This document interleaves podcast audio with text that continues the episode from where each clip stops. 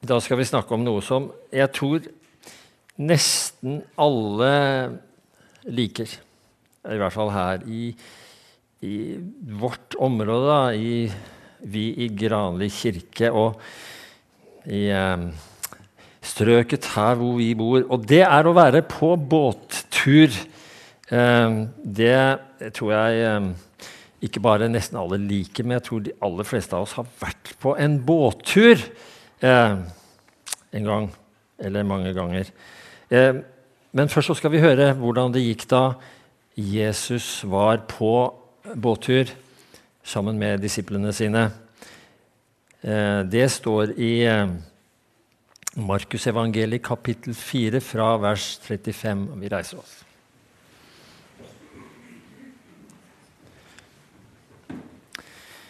Samme dag da det ble kveld, sa han til dem. La oss sette over til den andre siden av sjøen. De lot folkemengden bli igjen og tok ham med seg i båten der han satt. Også andre båter fulgte med. Da kom det en voldsom virvelstorm, og bølgene slo inn i båten så den holdt på å fylles. Jesus lå og så på en pute bak i båten. De vekket ham og sa til ham, 'Mester, bryr du deg ikke om at vi går under?' Da reiste han seg, truet vinden og sa til sjøen, Stille, vær rolig. Vinden la seg, og det ble blikk stille. Så sa han til dem, Hvorfor er dere så redde? Har dere ennå ingen tro? Og de ble grepet av stor frykt og sa til hverandre, Hvem er han? Både vind og sjø adlyder ham. Amen.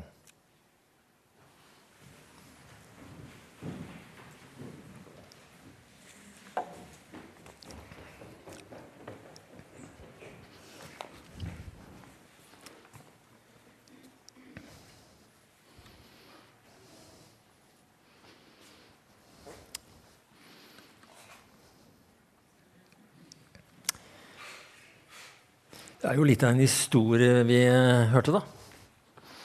Eh, her ser vi altså Jesus som sitter og Jeg tror han sitter og gleder seg til å dra på båttur. Det er veldig dumt spurt, altså, men har dere vært på båttur noen gang? Svaret er ja. Du nølte litt. Nei, du har vært på båttur. Da. Det var dumt spurt. Eh, det, det, det, har nok Jesus også vært. I hvert fall så sitter han og gleder seg. Og så er det disse to vennene som holder på å gjøre klar båten. Og det er altså det lekre været er jo ikke så rart han gleder seg, da. De har ikke stort eh, motor, nei, ikke noe poenger eller noe sånt. De må nok eh, nøye seg med, med seilet, men er det noe de kan, så er det å seile de gutta der, altså. Og det første vi skulle tro at Jesus gjorde når han gikk om bord i båten, og de kom utpå, det var å ja, f.eks. fiske. Eller ta på seg badebuksa og hoppe til sjøs. Gjør han det? Nei, det ser jo ikke sånn ut, da. Han legger seg til å sove på båttur. Hallo, sier vi da. Men det er det han gjør. Han er i virkeligheten han er altså kjempetrøtt. Han, ikke, han får jo ikke rulla ut soveposen og liggeunderlaget sitt engang. Han bare ligger seg rett nedpå og sovner som en stein. Han hadde holdt på å undervise i mange timer, så var det ikke rart han var sliten. Det var sikkert solskinn og varmt, og nå var det liksom langt utpå ettermiddagen. Trøtt som en sekk. Pang, sover. Der ligger han. Og hva er det som skjer? Plutselig så kommer det altså en storm ute på Genesaretsjøen. Det skjer av og til det på Genesaretsjøen at det kommer en sånn kraftig vind som kan liksom overraske de fullstendig, som de ikke var forberedt på i det hele tatt. Oi, se på de bølgene! Det er jo skikkelig skummelt, og de er jo ganske redde. Som vi ser, Han ene holder seg fast i masta. Eh, det hjelper jo ikke stort hvis de går ned. da. Han går i hvert fall ned med hodet til topps i så fall. De virker ganske redde. Det var ikke rart. Det da skikkelig eh, skummelt. Hva er det de sier for noe til hverandre? Hva skal vi gjøre? Skal vi, skal vi hoppe over bord og svømme til land? Det er jo ikke særlig håp i det, da. For det er jo, i det været så er det skummelt å hoppe til sjøs. Så hva er det de gjør? De går bort til Jesus og vekker han. Rister i han. Han sover som en stein. Jesus, Jesus, vi er redde. Det er storm. Båten holder på å gå under. Det var ikke rart de var redde. Det jo ikke sikkert de kunne svømme. Det veit vi ikke. Det står det ikke noe om. Egentlig så var det jo litt rart at de sjøfolka og fiskere, som mange av disiplene var, skikkelige sjøulker de gikk bort til landkrabba Jesus. Han visste jo kanskje ikke noen ting om, som, om det å sjø og seil og båt og sånn, bare så vidt. Eh, og så skal de be han landkrabba om hjelp når de har problemer i båten. Jeg veit ikke om de kanskje egentlig var litt flaue for å gå og spørre han. Hva var det Jesus svarte? sa han nei, nå må dere slutte å mase og ikke vekke meg her jeg ligger og sover. Bare hold på med deres og la meg være i fred. Sa han det? Nei, det gjorde han ikke. Tvert imot så sto han opp. Og så sier han til vinden, han roper til vinden, 'Slutt å blåse!' Og sier til sjøen, 'Ligg rolig!' Det må ha vært litt av en opplevelse for disiplene. Da det slutta å blåse, og sjøen blei rolig Helt utrolig. Der ser vi. Det er jo nesten blikk stille. De tenkte har du hørt noe så dumt? Å rope til vinden at den skal slutte å blåse. Det nytter jo ikke å snakke til vinden. Den blåser jo uansett og bryr seg ikke om det. Kanskje de tenkte at nå, nå er det begynt å gå litt rundt for Jesus. altså. Stå der liksom på båtripa og rope til vinden og kjefte på sjøen og be den å ligge rolig. Men stoppa det å blåse? Ja, det kan du jo si. Det kan du jo virkelig si. Se på det der, da. Nesten havblikk. Nesten helt stille. Kanskje så stille at de disiplene begynte å klage på Jesus. og si, Hvor skal vi, hvordan skal vi få seilt videre nå? Det er jo ikke et vindpust. Tror du de klaga på han for det? Nei, jeg tror egentlig ikke det. Jeg tror tvert imot de var så sjeleglade for at det hadde slutta å storme, at de hadde berga livet. Så fikk de heller ligge utpå der og nesten ikke komme av flekken. Det er jo et ganske fantastisk under å oppleve at du får stoppa en storm på mindre enn ett minutt.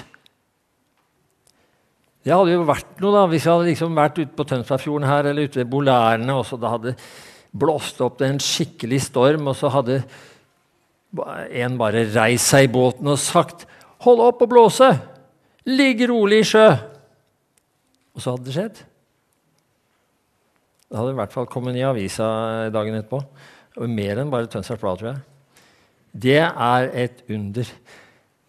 Det er det bare Jesus som kan gjøre. Det er det bare Gud som kan gjøre.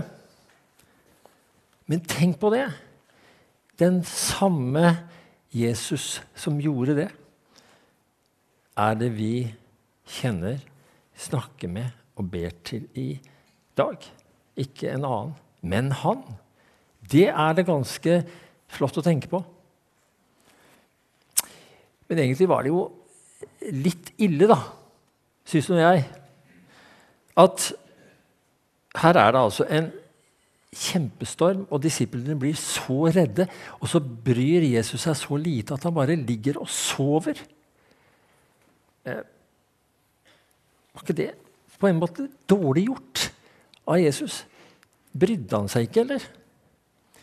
Sånn er det jo noen ganger liksom med oss i dag, enten dere som er eh, barn eller unge, og vi som er voksne. At vi syns det er noe som kan være kjempevanskelig, og som vi er kanskje redde for. Eller som vi syns vi ikke skjønner hvordan vi skal komme ut av, eller vi lurer veldig på.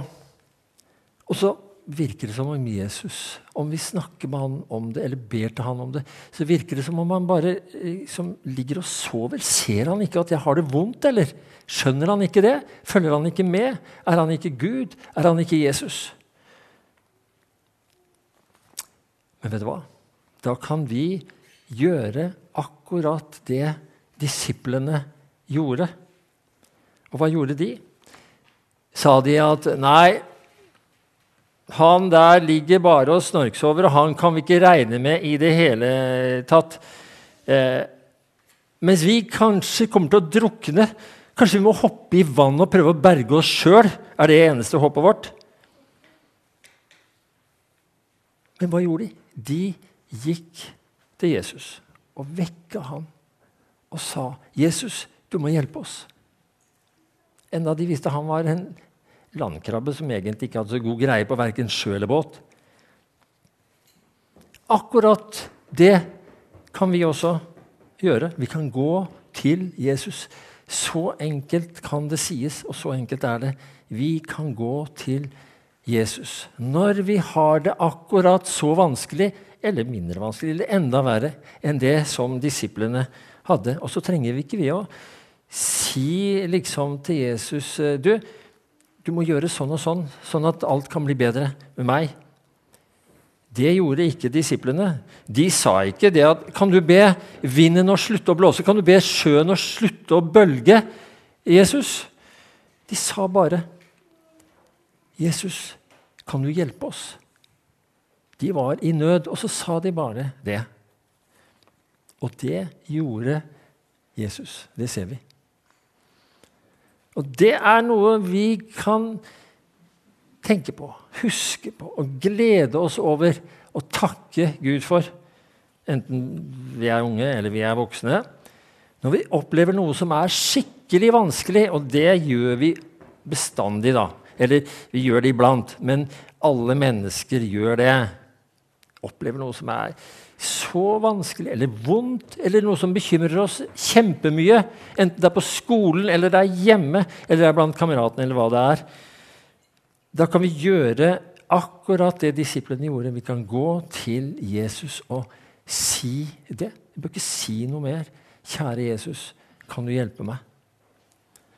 Og det, det veit jeg at jeg trenger å høre om igjen og om igjen vi kan gå til Jesus med det som er vanskelig.